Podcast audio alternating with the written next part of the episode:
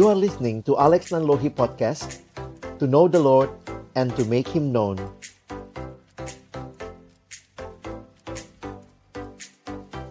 Baik, terima kasih Pak. Terima kasih juga Bapak Ibu Guru dan anak-anak sekalian yang saya kasihi dalam Tuhan Yesus Kristus.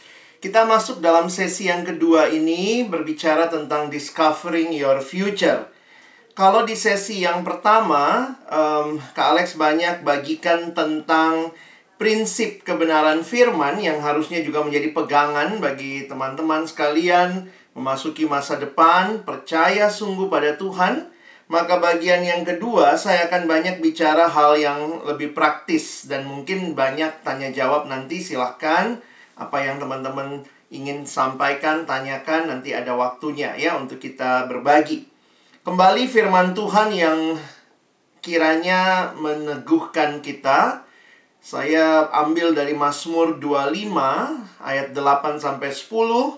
Ini adalah juga jaminan pimpinan dan penyertaan Tuhan. Pemasmur berkata, "Tuhan itu baik dan benar, sebab itu Ia menunjukkan jalan kepada orang yang sesat. Ia membimbing orang-orang yang rendah hati menurut hukum, dan Ia mengajarkan jalannya kepada orang-orang yang rendah hati." Dan ayat yang ke-10, segala jalan Tuhan adalah kasih setia dan kebenaran bagi orang yang berpegang pada perjanjiannya dan peringatan-peringatannya. Kiranya ayat firman Tuhan ini meneguhkan kita untuk melangkah maju. Nah, apa saja prinsip yang penting ya? Apa saja prinsip yang penting di dalam menggumulkan akan masa depan? Nah, saya melihat memang kita dikasih sama Tuhan yang tadi di bagian sesi pertama Kak Alex ingatkan, Tuhan memberikan kita juga akal budi, pemikiran, yang menolong kita juga untuk merencanakan masa depan. Nah, saya pikir mari belajar juga dalam beberapa buku prinsip manajemen, prinsip merencanakan kehidupan. Sebenarnya yang perlu kita pahami adalah bagaimana prinsipnya untuk menata masa depan kita. Kadang-kadang pertanyaannya begini ya, mana yang lebih dulu nih? Pilih jurusan kuliah atau pilih pekerjaan? Nah, sebenarnya sama juga ya, seperti orang-orang yang menggumulkan jurusan sebenarnya. Kadang-kadang ada yang bingung gitu ya. Pernah dulu banyak yang bertanya, khususnya waktu masa yang lalu, di mana orang milih jurusannya pas naik kelas 2 SMA. Saya IPA atau IPS ya kak? Gitu ya, banyak yang bertanya. IPA atau IPS, bagaimana saya memilihnya? Nah, saya pikir salah satu yang paling sederhana adalah saya tanya dulu, kamu mau jadi apa? Saya pengen jadi dokter sih kak, ya sudah IPA gitu ya, sederhananya seperti itu. Makanya di dalam kita merencanakan, saya pikir yang harusnya juga kita tidak boleh lupa adalah mari mulai dari akhir. Start from the end of mind. Apa sih yang jadi tujuan akhirnya? Nah, tadi kita sudah belajar di sesi yang pertama bahwa tujuan akhir dalam hidup kita sebenarnya kalau kita menghayati kehidupan kita yang dicipta oleh Tuhan, seharusnya semuanya di dalam ceritanya Tuhan untuk kemuliaan Tuhan. Tetapi bagaimana kita menggumulkan langkah demi langkahnya? Nah, sering kali kita bicara sekali lagi tentang panggilan. Tuhan mau apa sih kak dalam hidup saya? Tuhan panggil saya jadi apa? Nah, saya ingin mengajak kita melihat istilah dulu. Kak Alex klarifikasi dulu istilah ya. Saya secara pribadi dalam pergumulan tentang panggilan hidup, saya melihat bahwa calling atau panggilan itu sebenarnya tidak identik dengan job. Jadi, calling atau cakupan panggilan itu sebenarnya lebih luas dari pekerjaan. Jadi kalau kita mau belajar melihat hidup kita di hadapan Tuhan, Sebenarnya kita bisa memahaminya begini. Kalau kita belajar matematika ya, panggilan itu himpunan semestanya. Sementara pekerjaan itu adalah salah satu bagian di dalamnya. Nah, kenapa saya harus klarifikasi ini? Karena di dalam konteks orang Kristen, banyak kali kalau kita bicara panggilan, langsung bicara mau jadi apa. Dan waktu bicara mau jadi apa itu masalahnya adalah pekerjaannya. Dia panggilannya apa? Oh, dia panggilannya guru. Jadi seolah-olah calling equal job. Tapi bagi saya nampaknya tidak demikian. Saya menggambarkannya kira-kira seperti ini.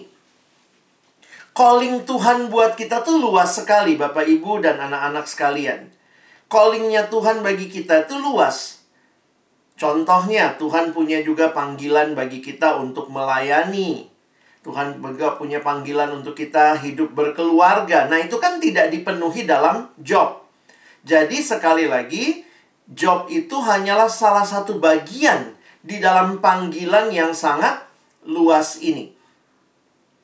Apa yang terjadi kalau kita melihat calling equal job?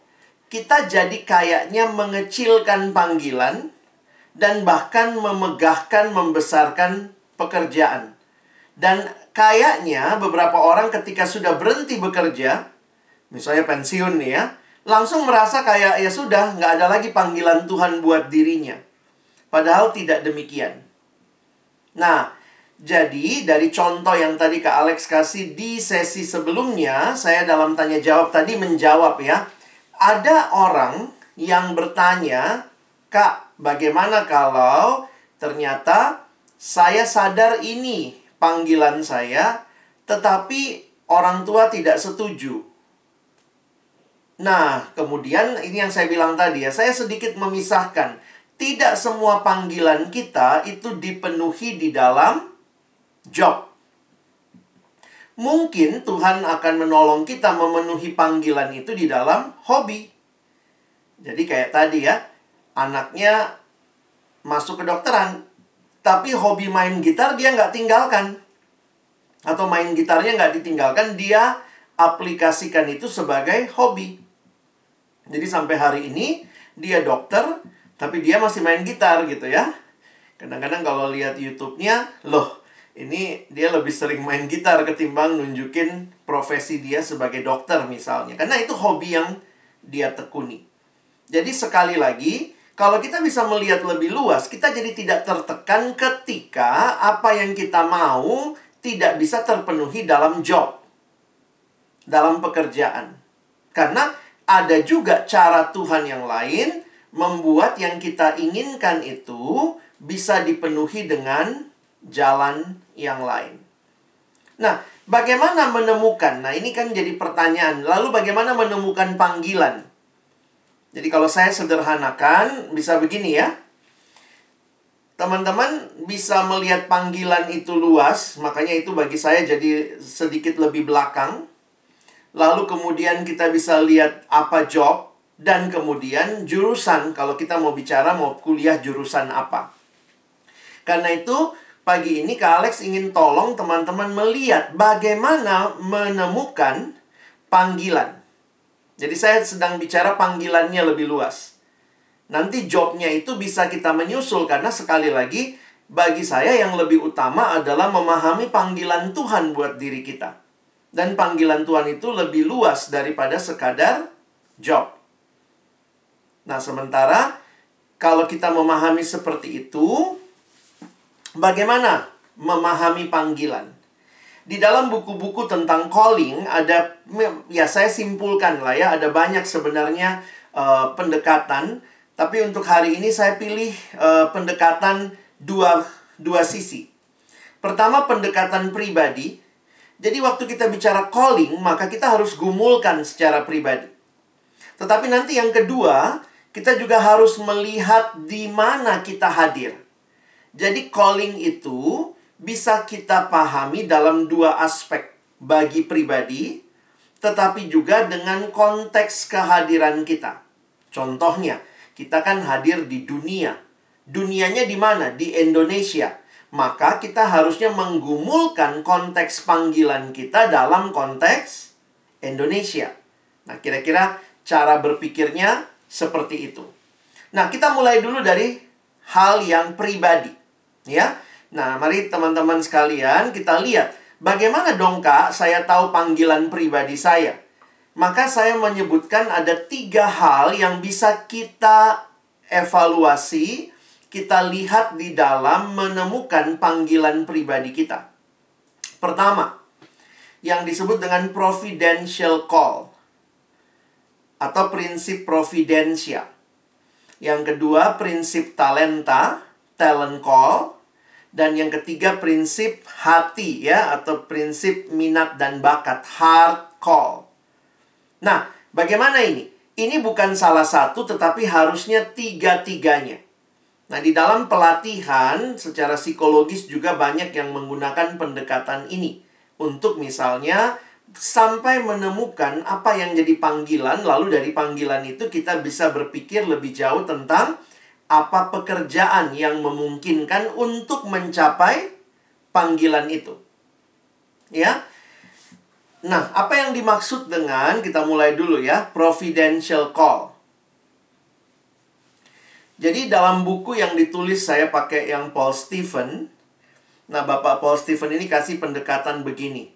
Coba kita discerning the providential hand of God in our lives, our birth, our family, our education, our personality, our opportunities is part of discovering our personal vocation. Jadi secara sederhana biasanya teman-teman, mari kita coba menelusuri hidup kita sejauh ini. Lihat pimpinan dan pemeliharaan Tuhan atas kehidupanmu sampai sejauh ini. Nah, di dalam beberapa pendekatan biasanya kita disuruh bikin misalnya family tree atau kita diminta untuk membuat life map. Coba kita lihat ya. Misalnya waktu umur sekian, apa yang terjadi? Apa highlightnya? Terus lihat bagaimana pimpinan Tuhan di situ. Lalu lihat latar belakang family. Kenapa ya family saya? Kenapa Tuhan hadirkan saya di family seperti ini? Jangan-jangan itu juga ada jejak-jejak uh, panggilan yang Tuhan sudah berikan melalui family kita. Nah, saya kasih contoh lah ya, Kak Alex kasih contoh. Jadi, teman-teman sebenarnya ini harus kita praktekkan. Jadi, coba misalnya kita gali tentang hidup kita. Nah, saya pribadi waktu melakukan ini, misalnya saya menemukan ya, Kenapa ya? Saya dengar cerita dari mama saya, saya pernah hampir meninggal waktu umur 8 bulan. Tapi kok nggak mati ya? Waktu itu saya kena diare, cairan sudah habis katanya. Pokoknya udah kritis lah. Ya tapi Tuhan selamatkan. Nah cerita seperti itu tuh mempengaruhi hidup saya. Untuk melihat, ingat ya, kalau kamu hidup sekarang tuh ada yang Tuhan mau nih. Kalau nggak udah habis kamu dari umur 8 bulan ya. Jadi cerita itu mempengaruhi saya melihat hidup. Lalu kemudian saya lihat misalnya uh, saya dari kecil misalnya sudah uh, ada dalam keluarga yang terbiasa berbagi dengan orang lain. Jadi itu kan bukan hal yang kebetulan ya Tuhan taruh kita di keluarga yang biasa berbagi. Terus kemudian uh, saya punya pengalaman dengan perbedaan personality ya saya punya perbedaan, saya punya pengalaman dengan perbedaan karena di keluarga tuh semua orang beda-beda gitu personalitinya. Lalu dari ras yang berbeda, papa saya orang pribumi, Ambon asli. Mama saya orang Manado, Tionghoa. Jadi saya udah terbiasa dari kecil dengan lihat hitam dan putih gitu ya. Itu bukan hal yang Nah, itu semua sebenarnya cara-caranya Tuhan membuat kita juga bisa melihat apa yang Tuhan berikan sebagai panggilan kita. Apa yang Tuhan kasih di keluarga, di kelahiran kita, di sejarah hidup kita. Terus nggak kebetulan misalnya, teman-teman kebetulan nggak sih sekolah di metodis? Apa sih yang Tuhan lagi bentuk buat kamu di metodis? Mungkin kamu bisa refleksikan, iya ya, di metodis ini saya bisa lebih serius dengan kerohanian karena apa-apa ada kebaktian, ada apa. Nah, itu semua adalah jejak-jejak yang Tuhan berikan untuk kita melihat panggilannya. Jadi memang providential call ini lebih banyak melihat ke belakang yang sudah kita lalui. Lalu lihat pimpinan, pemeliharaan Tuhan. Saya waktu itu coba sadari juga gitu ya. Iya ya, kalau misalnya saya nggak masuk sekolah, karena saya ingat saya sekolahnya itu saya sempat di SMA, uh, eh, saya sempat di sekolah swasta, lalu kemudian saya sempat ke sekolah negeri gitu. Jadi itu jadi kayak juga pengalaman yang Tuhan berikan buat saya. Nah, jadi menggali providential call, teman-teman perlu melihat pimpinan Tuhan, coba buat semacam life map, lihat hidupmu, lihat pimpinan Tuhan sejauh ini. Ada satu anak pernah cerita gitu. Kak, aku kok rasanya dipimpin Tuhan jadi guru. Saya bilang, kok bisa? Dia bilang, pasti kan nggak kebetulan ya, papaku guru, mamaku guru. Dan dari kecil aku tuh senang melihat mereka mengabdi, ngajarin orang. Kadang-kadang kalau perpisahan anak-anak bisa datang ke rumah, bilang terima kasih ke bapak ibu guru karena begitu melihat hidup mereka jadi berkat. Jadi saya melihat anak ini menemukan panggilan hidupnya dalam pengalaman keluarganya. Tentu nggak semua ceritanya sama ya. Ada juga anak guru yang nggak mau jadi guru. Kenapa lihat papa mama gue jadi guru? Nggak dah, gue nggak mau deh tapi ada yang, jadi cara Tuhan ini mesti kita lihat, makanya ini adalah menemukan panggilan pribadi. Kak, kayaknya gue habis ini kerja deh. Kenapa? Iya, gue nemuin orang tuaku dari dulu bisnis gitu. Bisnisnya dan waktu dari kecil aku pernah coba bisnis kak pas SD. Ada yang pernah cerita gitu. Dia coba bisnis SD jadi SD udah jualan ini jualan ini bisa gitu. Sehingga dia mengatakan bukannya gue nggak mampu kuliah kak, tapi gue kayak merasakan dalam pengalaman hidup aku dituntun berbisnis, misalnya seperti itu, ya. Jadi ini salah satu ya, bukan satu-satunya providential call salah satu. Nanti harus digandeng sama talent call dan hard call. Oke? Okay? Jadi yang kedua masuk ke talent call, prinsip talenta. Dari mana kita tahu panggilan Tuhan? Lihat juga apa sih bakat, talenta yang Tuhan kasih yang diberikan oleh Tuhan dalam hidup kita. Itu juga bagian dari apa yang Tuhan panggil kita. Maksudnya begini, nggak mungkin dong Tuhan panggil kamu misalnya untuk jadi dokter padahal kamu takut lihat darah gitu ya. Begitu lihat darah pingsan, lihat darah pingsan terus yakin banget panggilanku dokter. Ya enggak lah, mungkin kamu harus cari lihat hal yang lain. Karena itu sudah jadi semacam ciri atau satu bagian yang Tuhan mungkin juga sudah berikan dalam bakatmu. Jadi saya ketemu juga ya beberapa teman karena kita kalau bicara bakat ini ini sangat tergantung dari apa yang kita sadari Tuhan berikan. Tentu kalau dia lihat darahnya takut karena trauma, lama-lama kalau dia dibiasakan oke. Okay. Tapi ada orang yang memang kayak nggak bisa lihat. Nggak bisa lihat darah, ya udah jangan mimpi jadi dokter lah. Kira-kira begitu ya. Ntar tiap kali mau operasi pingsan gitu ya, nggak jadi operasinya. Nah saya ketemu juga begini. Seorang teman dalam pergumulan kehidupan dia sangat melihat talentanya di dalam bidang manajemen. Nah, waktu itu dia masuk teknik dan dia dapatnya teknik infor uh, sorry uh, teknik industri TI. Nah, kalau kalian belajar teknik yang ada manajemennya tuh teknik industri. Nah, jadi dia tuh menemukan tuh dia punya bakat di situ, nilai-nilainya di mafia, matematika, fisika, kimia misalnya bagus. Jadi memang dia talentanya di situ. Sementara ada yang nemukan gitu ya, wah saya nih kayaknya kuatnya dihafal kak. Jadi dia akhirnya mungkin di IPS ya sangat bersinar gitu. Jadi sebenarnya kita mesti melihat. Kadang-kadang kita nggak hanya cuma bisa lihat satu, kita harus kaitkan sama tadi ya. Providential call, lalu talent call. Lihat talenta-talentamu. Nah, di dalam menyadari talenta-talenta kita, perlu juga tanya sama orang yang kenal dengan kita. Ya, contohnya, Mungkin kalau di sekolah kan ada bapak ibu guru, kalau di rumah ya orang tua ya.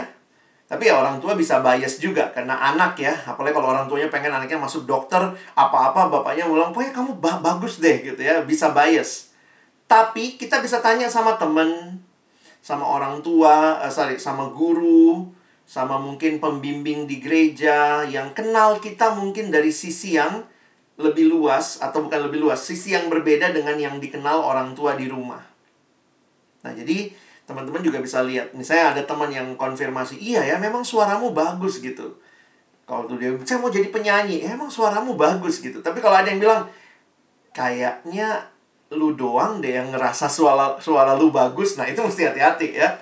Jadi, talenta itu salah satunya juga dikonfirmasi oleh lingkungan di mana kita ada. Nah, yang terakhir ini tel hard call. Nah, ini prinsip minat dan kesukaan. Secara prinsip dikatakan begini ya, Roh Kudus tidak hanya memberi kemampuan talent tadi. Tetapi kita juga menyadari Roh Kudus juga memberikan keinginan bahkan kesukaan untuk bidang kerja tertentu. Jadi Bapak Paul Stephen dalam bukunya mengatakan it is entirely ordinary for God to create a desire, menciptakan keinginan in our hearts to do the very thing needed, whether in the church or in the world.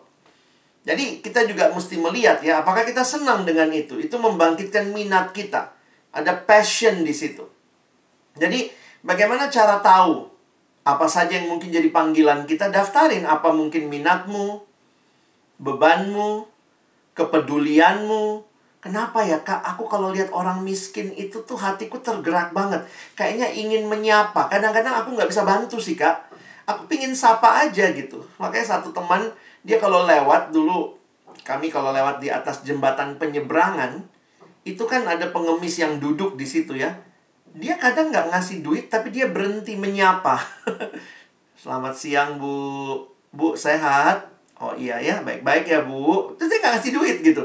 Tapi dia punya hati yang peduli. Nah itu semua kalian mesti lihat. Karena nggak semua orang ternyata Tuhan kasih hard call yang sama. Ya. Nah, jadi teman-teman, coba dipadukan. Untuk menemukan panggilan. Ini belum bicara job ya.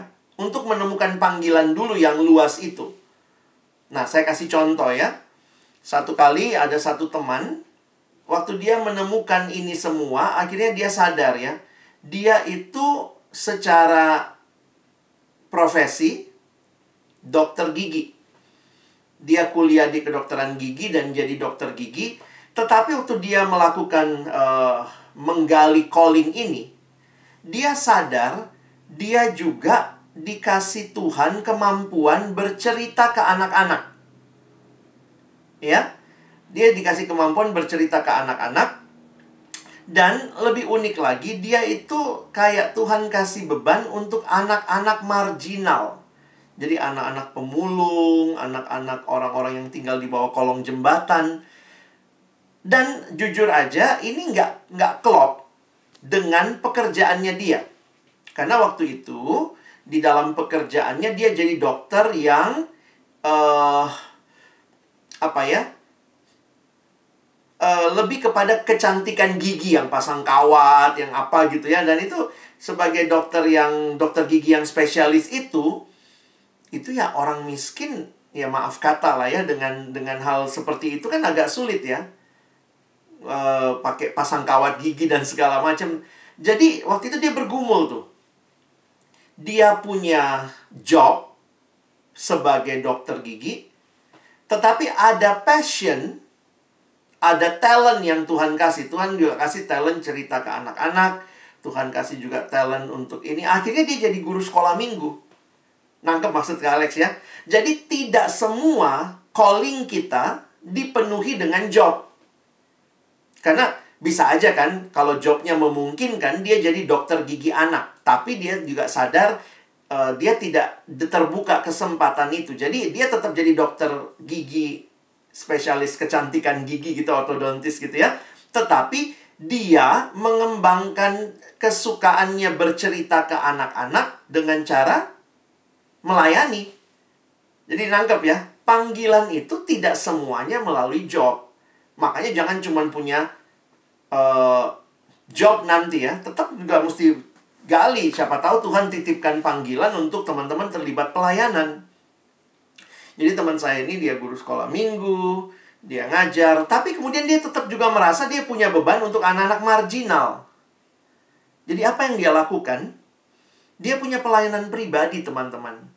Setiap hari Sabtu, kira-kira sebulan sekali misalnya dia jadwalin dia pergi ke kolong-kolong jembatan, di bawah rel kereta gitu ya, ke pemulung-pemulung gitu ya. Dia kadang-kadang cuma datang dia datang sendiri, dia beli biskuit satu dos gitu, satu kaleng. Misalnya beli konggoan, dia beli, Terus udah dia datang ke bawah kolong jembatan, dia ngobrol-ngobrol sama anak-anak di situ sambil makan biskuit. Nah, mungkin dia dari situ dia mulai bercerita, dia ajarin mereka untuk saya dokter loh, nanti mesti cuci tangan ya, mesti bersih, coba lihat giginya semua. Ayo, giginya rajin disikat ya. Jadi, teman-teman, itu bukan pekerjaan dia. Tetapi itu beban pribadi yang Tuhan kasih yang dia bisa penuhi melalui pelayanan pribadi dia. Jadi sekali lagi jangan melihat panggilan sama dengan job. Nanti kita terlalu sibuk melihat hidup hanya kerja. Sibuk melihat hidup hanya kuliah. Untuk beberapa teman, apalagi kalau ternyata kuliahmu belum tentu jurusan yang kamu mau pada awalnya. Itu kan bergumul juga. Bagaimana dengan hobi-hobi saya, Kak? Ya silahkan kembangkan sebagai hobi. Tapi mungkin bukan sebagai jurusan kuliah. Nah, jadi saya harap cara pandang ini membukakan teman-teman. Jadi yang kalian perlu terus gumulkan dalam hidup, cari panggilanmu. Gali providential callmu, ya. Terus gali lagi hidupmu, lihat talenta-talenta yang Tuhan kasih. Lalu kemudian lihat lagi apa yang menjadi passion hatimu. Nah, selain itu tentu ya yang membimbing kita adalah firman Tuhan. Firmanmu itu pelita bagi kakiku, terang bagi jalanku. Hidup dalam relasi dengan Tuhan, miliki kehidupan yang berdoa. Karena doa itu memurnikan motivasi kita, menguatkan motivasi kita, dan doa juga menajamkan visi dari Allah bagi kita. Nah, di sisi lain, yang tadi Kak Alex bilang, ingat baik-baik, ada orang-orang yang juga Tuhan hadirkan untuk menolong kita menemukan panggilan kita Makanya komunitas ini penting. Tentu masukan dari komunitas itu bukan keputusan, ya itu masukan. Misalnya ada yang bilang, ih kayaknya kamu apa ya? Misalnya ada satu teman waktu itu saya lihat ya, dia tuh orang belakang layar. Dia kalau di belakang layar tuh semua beres deh. Dia ngatur ini, ngatur ini. Tapi kalau disuruh di depan, oh dia gemeteran. Jadi memang akhirnya kita lihat iya ya. Lu kayaknya orang belakang layar deh. Jadi kita kayak meneguhkan dia dan dia akhirnya jadi banyak berkembang di dalam uh, apa ya mensupport. Jadi dia bukan orang yang tampil di depan tapi justru support di belakang. Nah, peran komunitas bisa menolong kita untuk lebih objektif dan realistis. Karena kalau kita sendiri menilai diri kita, jangan-jangan kita menilainya ketinggian atau kerendahan. Ya, ada orang aduh saya nggak bisa kak saya nggak bisa. Padahal kita lihat lu bagus tadi waktu worship leader. Udah deh lu bisa gitu ya. Nah itu komunitas bisa menolong kita.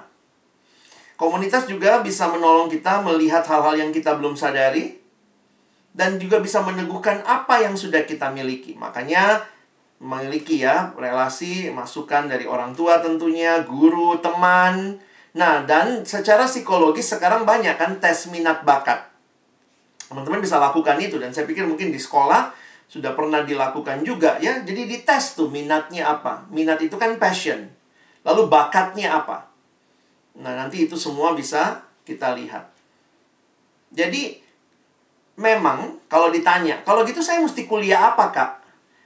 Memang tidak ada kuliah yang bisa memenuhi semua callingmu. Tapi teman-teman mesti memilih yang mana yang mau dijalani. Nggak mungkin kan semuanya ya. Nggak ada kan jurusan dokter gigi, uh, peduli anak miskin, dan juga senang cerita ke anak. Itu gimana? Akhirnya dia harus memenuhinya lewat kuliah untuk dokter giginya, lewat pelayanan untuk kesenangan cerita ke anak-anak, jadi guru sekolah minggu lewat pelayanan pribadi kepada anak-anak marginal. Jadi memang tidak tidak bisa kita katakan ada satu kuliah yang menampung semua itu. Wah, Kayaknya terlalu ideal, ya. Nah, makanya teman-teman perlu menggumulkan tiga call ini untuk pribadi. Nah, tapi bagaimana lagi, Kak? Untuk hal yang bukan pribadi, hal dunia. Saya pikir Tuhan tidak sekadar hadirkan engkau dan saya di dunia tanpa rencana. Karena itu, secara komunal saya lihat calling kita bisa juga diselaraskan dengan apa yang jadi kebutuhan dunia. Beberapa anak dalam masa pandemi ini sangat ingin jadi dokter. Kenapa? Ketika melihat pandemi, bahkan beberapa keluarganya terpapar, sampai akhirnya kehilangan keluarga yang dikasihi, kemudian muncul tekad gitu ya, Tuhan, dunia butuh dokter. Wah, jadi ada tuh, karena dia melihat kebutuhan dunia. Ada lagi yang pernah cerita sama saya, saya tanya, kamu mau masuk apa? Kadang-kadang agak agak jarang ya saya ketemu ya. Dia anak sekolah swasta, orang Chinese, tiba-tiba ditanya mau jadi apa, dia bilang mau jadi guru. Hah? Kayaknya itu jarang-jarang banget gitu ya. Terus kemudian dia cerita, ya kak, saya merasa penting banget membangun pendidikan. Jadi sebagai seorang yang dari etnis Chinese, tapi dia ambil kuliah di justru di kampus yang mungkin banyak pribuminya karena di situ misalnya ke kependidikannya atau keguruannya bagus begitu. Jadi saya pikir yang menggerakkan dia apa? Dia melihat kebutuhan dunia. Dunia butuh guru. Ada satu anak lagi kemarin tiba-tiba sharing kak doakan saya siap ke Papua. Waduh, kenapa? Jadi apa di sana jadi guru? Dia ngelihat kebutuhan. Jadi kadang-kadang Tuhan bukakan kepada kamu panggilan juga dengan membukakan kebutuhan dunia termasuk waktu kamu nonton televisi, baca, mungkin lagi nonton drama Korea begitu nonton kayaknya iya ya. Saya pingin sekolah hukum nih. Sekarang ada ada film apa uh, law school misalnya gitu ya. Langsung kayaknya punya keba punya keinginan itu. Jadi lihat juga ya, makanya coba bergumul kebutuhan Indonesia. Dan bagi saya ini jadi menarik karena beberapa orang akhirnya tidak hanya berpikir saya mau kerja apa yang banyak uang buat diriku. Tetapi berpikir lebih luas, Tuhan kayak berikan cara berpikir. Lihat, Indonesia butuh apa? Dan maukah engkau dipakai Tuhan melalui jurusan yang kau pilih waktu kuliah, pekerjaan yang kau pilih untuk dipakai Tuhan menjawab kebutuhan Indonesia yang Tuhan kasihi ini. Nah, jadi teman-teman juga saya ingat ya kalimat firman Tuhan jelas, kamu adalah garam dunia. Kamu adalah terang dunia. Saya melihat itu Tuhan jelas loh. Tuhan nggak bilang gini ya, Tuhan nggak ngomong kamu adalah garam. Kamu adalah terang. Tidak. Tuhan jelas, kamu adalah garam dunia. Tuhan kasih konteks di mana kita harus hadir sebagai garam. Garamnya hadir di mana? Di dunia. Kamu adalah terang dunia. Di mana terang itu hadir? Di dunia. Jadi Tuhan tidak panggil kita sekadar hidup buat diri kita sendiri. Kalau kita mengerti panggilan kita, di dalamnya ada kebutuhan dunia. Garam kan bukan hanya kumpul sama garam. Garam kumpul sama garam jadi gudang garam ya.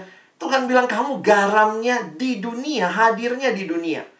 Karena itu selalu tanya, Tuhan apa ceritamu buat hidupku? Saya pengen kuliah kedokteran, tapi ini untuk apa?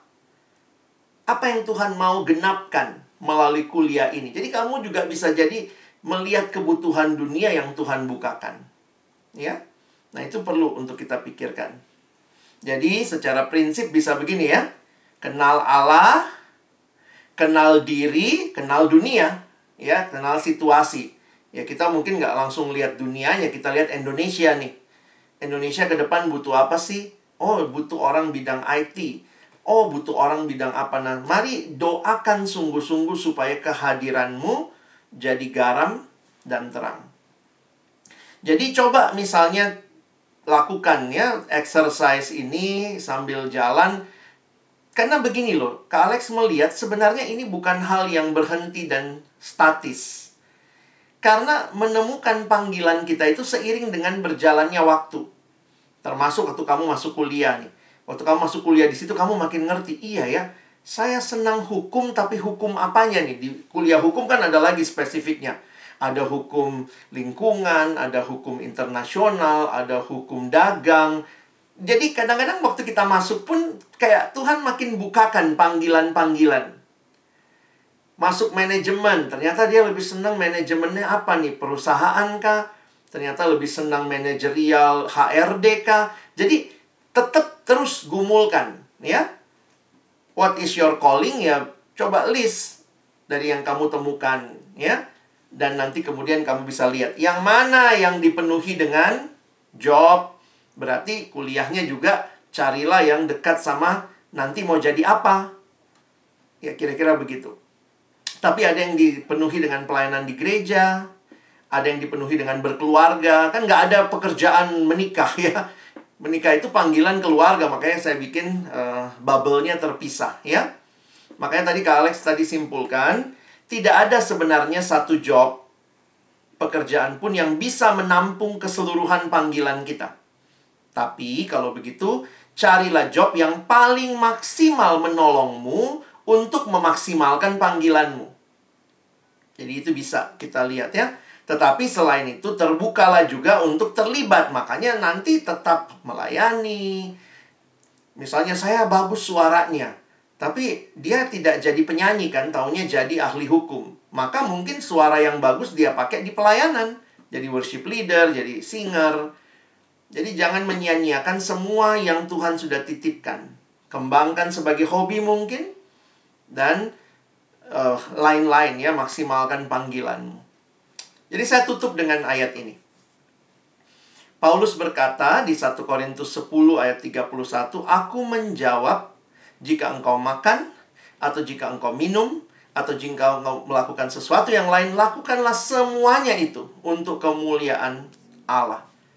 Saya makin sadar ya waktu baca ayat ini, hal yang kayaknya kalau anak Jakarta bilang receh banget gitu. Makan, minum, itu kan kayaknya receh banget ya. Tapi Paulus bilang makan untuk kemuliaan Allah. Minum untuk kemuliaan Allah. Berarti semua yang lain pun untuk kemuliaan Allah. Saya berharap mari kita bangun hidup yang fokusnya adalah untuk memuliakan Allah. Tuhan nanti apa pilihan kuliahku untuk memuliakan Allah. Tuhan apa nanti mungkin kesempatan kerja yang aku ambil. Kiranya itu untuk memuliakan Allah. Jadi teman-teman bisa mulai menggumulkan ya. Tentunya sekarang sebenarnya agak terlambat ya karena kalian sudah akan kuliah. Harusnya yang sesi seperti ini yang dapat anak kelas 1 ya anak kelas eh, uh, 10 ya. Supaya mereka bisa merencanakan ke depan. Mulai menggali mulai bertanya mungkin ikut tes ya. Dan dari situ kita sama-sama akan tiba pada keputusan Tuhan masa depanku biarlah di dalamnya ku persembahkan untuk kemuliaan Allah Terima kasih, saya berhenti sampai di sini. Saya persilahkan Bapak Ibu atau juga anak-anak, adik-adik kalau ada yang mau ditanyakan, saya persilahkan.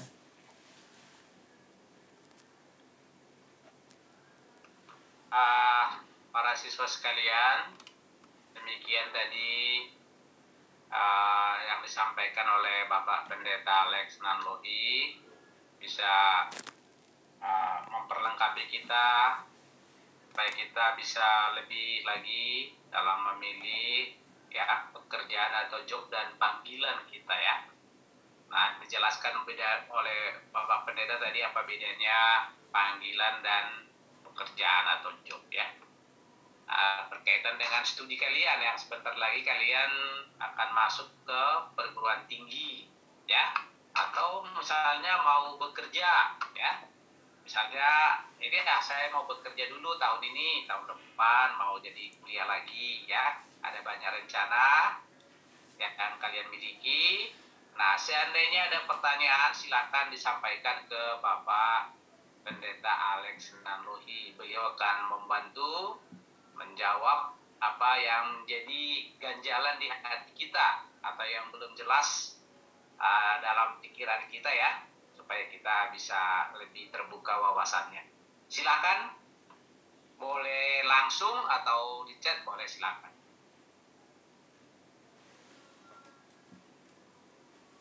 Oke, okay. Alex. Yeah. Uh, kadang ada seperti ini, ini kan masa pandemi ini kan membosankan sekali ya. PJJ tiap hari segala macam sometimes tuh ada teman-teman yang habis ini langsung mikir ah gue stop dulu deh nggak usah kuliah gitu.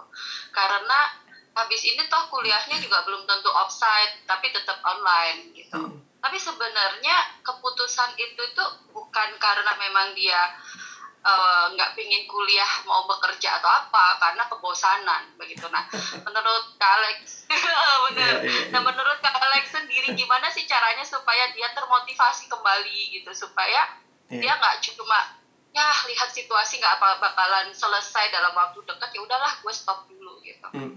thank you makasih bu ya mungkin buat uh, teman-teman sekalian kita harus merencanakan hidup itu jangka panjang.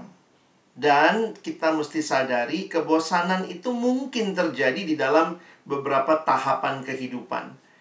Nanti waktu masuk kuliah pun ada juga yang bosan bikin skripsi, nggak kelar-kelar, bosan gitu ya. Dosennya susah dikontak.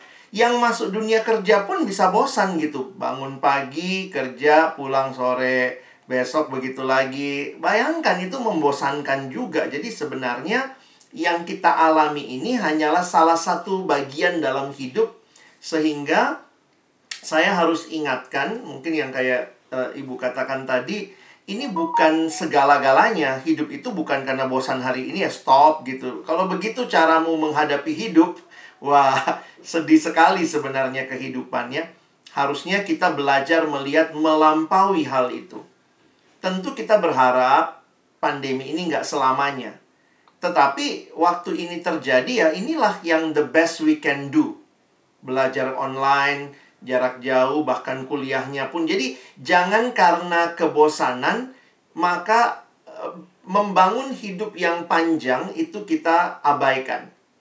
Di sisi lain saya juga ingatkan soal umur.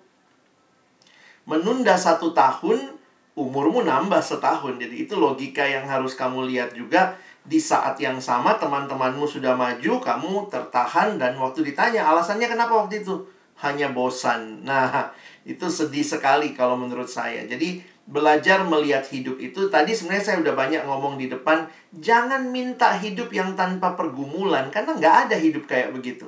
Tetapi mari belajar menghadapi pergumulan itu. Saya beberapa kali ketemu dengan siswa yang bicara bosan, tapi kemudian saya bilang gini, memangnya kalau kita tidak online begini bosan nggak? Kamu main game aja yang sangat online bisa bosan kok. Kalau nggak bosan kan gamemu nggak nambah, itu aja terus. Tapi kenapa kita selalu, itu kita manusia yang selalu punya rasa bosan. Jadi jangan mengatasi, uh, jangan memplanning hidup hanya gara-gara rasa bosan lalu menyetop sesuatu yang jangka panjang. Jadi itu masalah cara melihat mungkin Bu ya. Kalau saya lihat teman-teman perlu terbuka melihat lebih jauh, lebih luas. Dari Palenia 12 IP ya. 1. Perlu saya baca Pak atau langsung aja? Oke. Bagaimana saya baca langsung ya Pak? Bagaimana cara mengatur prioritas yang baik untuk anak muda sekarang itu sebaiknya bagaimana ya? Baik. Uh, thank you Valenia. Memang prioritas ini juga jadi satu pergumulan yang penting karena prioritas itu ada kaitannya sama waktu. Waktu dan juga kenapa muncul prioritas? Karena tidak semua hal bisa kita capai di dalam waktu yang sama. Itu itu kenapa ada prioritas. Sedikit uh, saya coba share screen ya. Sebenarnya materi saya banyak gitu. Cuma tetap harus dipilah-pilih ya karena waktu kita terbatas. Uh, waktu bicara prioritas, biasanya kita akan bicara hal ini. Masalah strategi untuk mengatur waktu dan juga uh, sebenarnya kalau dibilang membagi waktu sebenarnya nggak pas juga ya. Makanya ada yang bilang time management how to manage time. Sebenarnya semua orang kan kita dapat waktu hidup yang sama. 24 jam satu hari. Nggak ada kan yang dapat lebih atau kurang waduh kak saya cuma dapat 25 jam eh, saya saya cuma dapat 23 kita semua sama makanya sebenarnya dalam ilmu manajemen di, dikatakan bukannya manajemen waktu tapi manajemen hidup di dalam waktu we are not managing the time, but we are managing our own self. Nah, makanya di dalam uh, tips tentang waktu ini, uh, tentang prioritas itu muncul uh, kuadran waktu, ya, yang digambar seperti ini. Jadi dibuat dalam uh, matriks antara penting dan, dan urgent. penting dan urgent ini masalahnya akhirnya disebut krisis karena itu orang yang suka menunda-nunda. Tetapi ada juga hal yang tidak urgent tapi penting. Nah, itu orang yang suka menentukan prioritas. Itu kuadran pencegahan. Lalu ada kuadran e, tidak penting tapi urgent. Itu interupsi. Sementara ada lagi kuadran tidak urgent, tidak penting. Itu leisure time, waktu luang. Nah, kalau kita lihat seperti ini, ini memberikan kesadaran kepada kita bahwa ada hal yang penting dan tidak penting, tetapi waktu kita terbatas. Karena itu muncul kuadran ini. Nah, kita harusnya memperbesar kuadran berapa? Kuadran 2, pencegahan. Jadi, di sinilah orang-orang yang bisa menentukan prioritas. Hari ini apa yang mesti dilakukan. Sebagai contoh, kalau kamu hidupnya besar di kuadran satu, itu kamu awet muda tuh. Ma ma maaf, awet muda maksudnya masih muda cepat mati ya. Masih muda udah awet kamu di peti ya. Karena semuanya krisis. Ya. Besok ulangan 17 bab. Penting nggak? Ya penting ulangan. Tapi urgent. Kenapa? Udah besok. Padahal mungkin sudah dikasih tahu dari dari sebulan sebelumnya. Jadi orang-orang yang sistem kebut semalam ya, sistem belajarnya pokoknya ya sekadar belajar cepat gitu, tidak mulai dengan menyicil. Nah, ini biasanya krisis itu selalu bikin jantungan. Karena udah besok, wah udah besok gitu ya. Nah, poinnya kalau kamu terbiasa seperti itu di SMA, di kuliah itu lebih lebih sulit biasanya. Karena di kuliah itu tidak terlalu sering diingat-ingatin kayak Bapak Ibu guru ya, jangan lupa nak, besok ini ya, nanti kemudian remedial pun diingetin apa. Aduh, di kuliah tuh kamu wajib ngatur waktumu sendiri. Nah, makanya jangan banyak di kuadran 1, 2, dan eh, 1, 3, dan 4. Harus perbesar kuadran 2. Kalau kuadran 3 itu interupsi. Ada orang yang begini, Ayo jalan ke mall, ikut. Temennya, ayo pergi ke sini, ikut. Ya, makanya dia yes man, yes man. Dia nggak tahu ini ternyata jam harus belajar. Besok kuis, besok ulangan. Kalau dia cuma yes semua semua ajakan teman, itu tidak penting tapi urgent. Ayolah, kalau nggak hari ini jalan nggak bisa nih harus hari ini. Padahal besok ada ulangan, ada ujian. Nah itu orang nggak tahu prioritas. Nah yang lebih parah yang pemalas ya. Tidak penting, tidak urgent nonton sinetron atau nonton drama Korea berseri-seri. tidak penting, tidak urgent. Kalau memang libur mungkin no problem. Tapi kalau gara-gara nonton drama Korea kamu jadi nggak tahu prioritas, nah ini bagi saya udah kecanduan. Secara sederhana saya lihat ciri awal kecanduan itu dia nggak bisa lagi membedakan mana kebutuhan, mana keinginan kamu pelajar. Selama kamu pelajar, kamu prioritas utamanya belajar.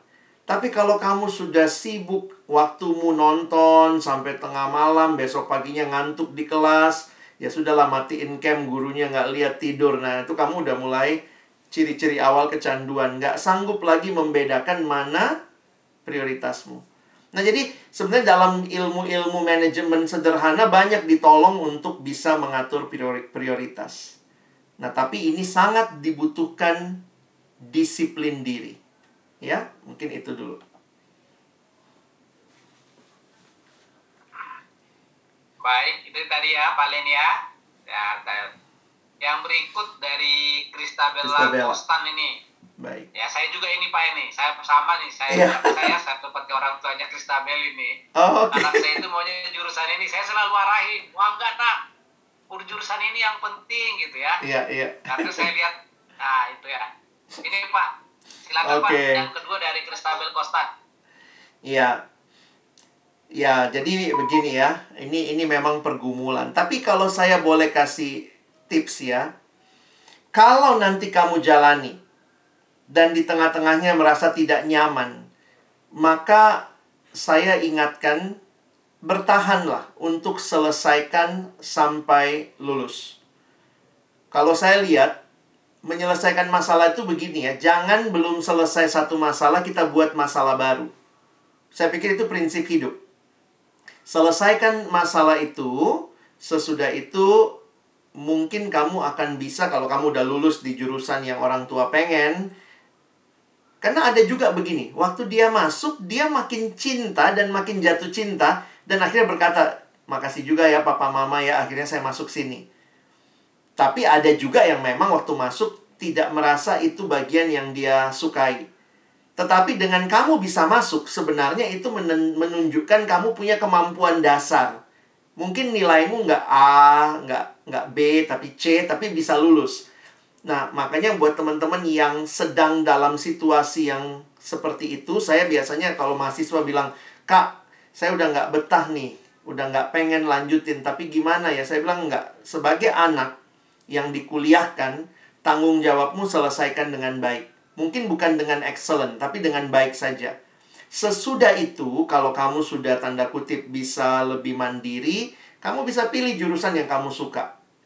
Termasuk saya ingatkan, selesaikan dengan baik. Sementara apa yang kamu pengen, kembangkan aja dengan otodidak. Sekarang belajar di YouTube juga bisa kok. Misalnya, saya senang desain, Kak. Orang tua maunya masuknya manajemen, karena manajemen katanya peluang kerjanya lebih banyak daripada desain desain itu kayaknya uh, makin sulit sekarang makin ini jadi akhirnya dia masuk manajemen tapi dia suka desain ya udah desain itu dilakukan sebagai hobi belajar mandiri begitu nah uh, kalau pakai perbandingan ya maaf ini Kak Alex pakai perbandingan siapa yang suka SMA siapa yang senang belajar di SMA jujur jujur aja kita juga nggak suka suka amat kok tapi kita harus selesaikan karena itu bentuk tanggung jawab kita. Kenapa? Karena saya melihat begini. Di masa-masa kita menyelesaikan, sebenarnya kuliah itu tidak cuma ngajarin ilmunya. Kalau boleh berbagi ya. Sebagai orang yang sudah lebih tua dari teman-teman gitu ya, Bapak Ibu juga pasti punya pengalaman yang sama. Di dalam banyak kesempatan hidup, tidak semua itu kita dapat ilmunya di sekolah, tetapi sekolah itu bahkan mengajarkan lebih dari ilmu. Sekolah mengajarkan ketekunan, kerjakan ya nak sampai bisa. Remet lagi deh. Coba bikin lagi. Minggu depan ujian 17 bab. Kenapa? Kamu mau diuji ketekunannya. Jadi kadang-kadang jujur aja ya, beberapa ilmu yang saya dapat dalam sekolah itu belum tentu ilmu yang saya suka.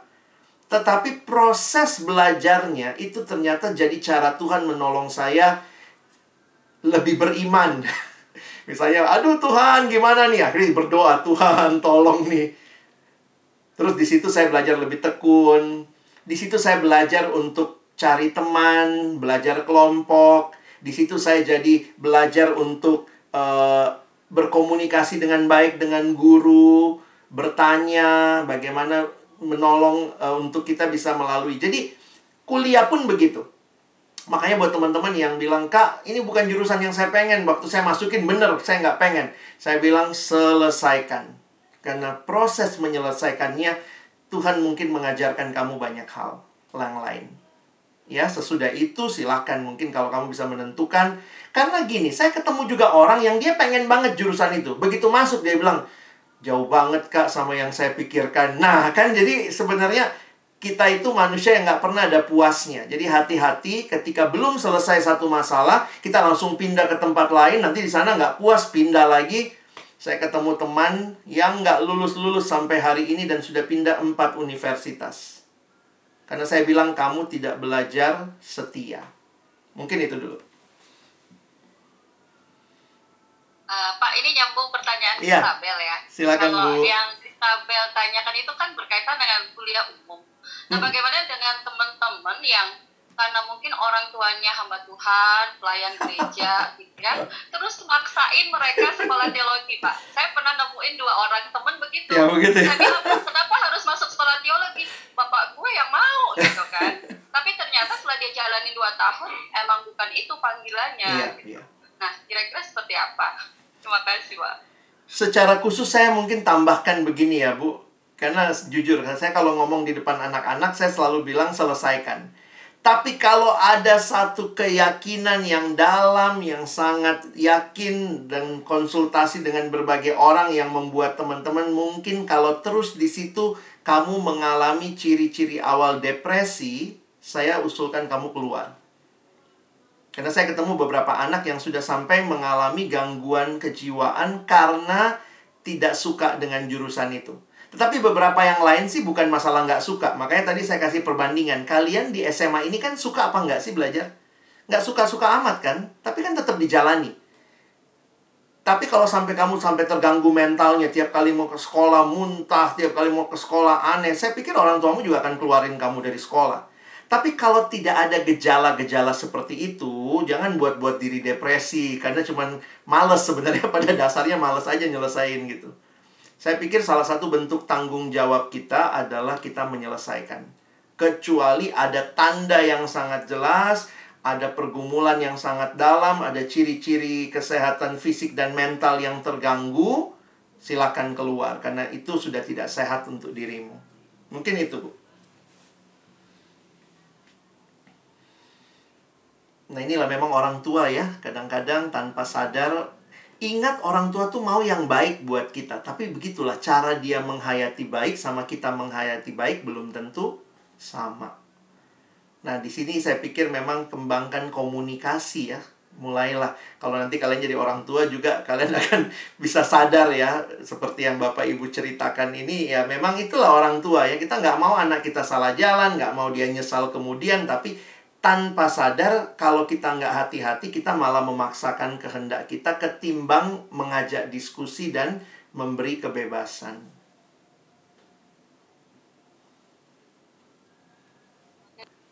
Tidak Ada semua. lagi? Ya boleh uh, tulis di chat box atau open uh, open mic kalian silakan. Persilakan teman mau tanya apa?